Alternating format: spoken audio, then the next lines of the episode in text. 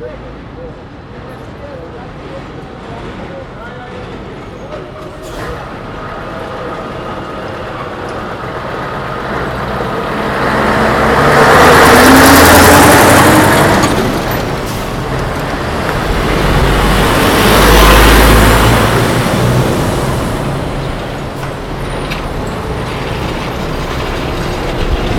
do they go? Voice?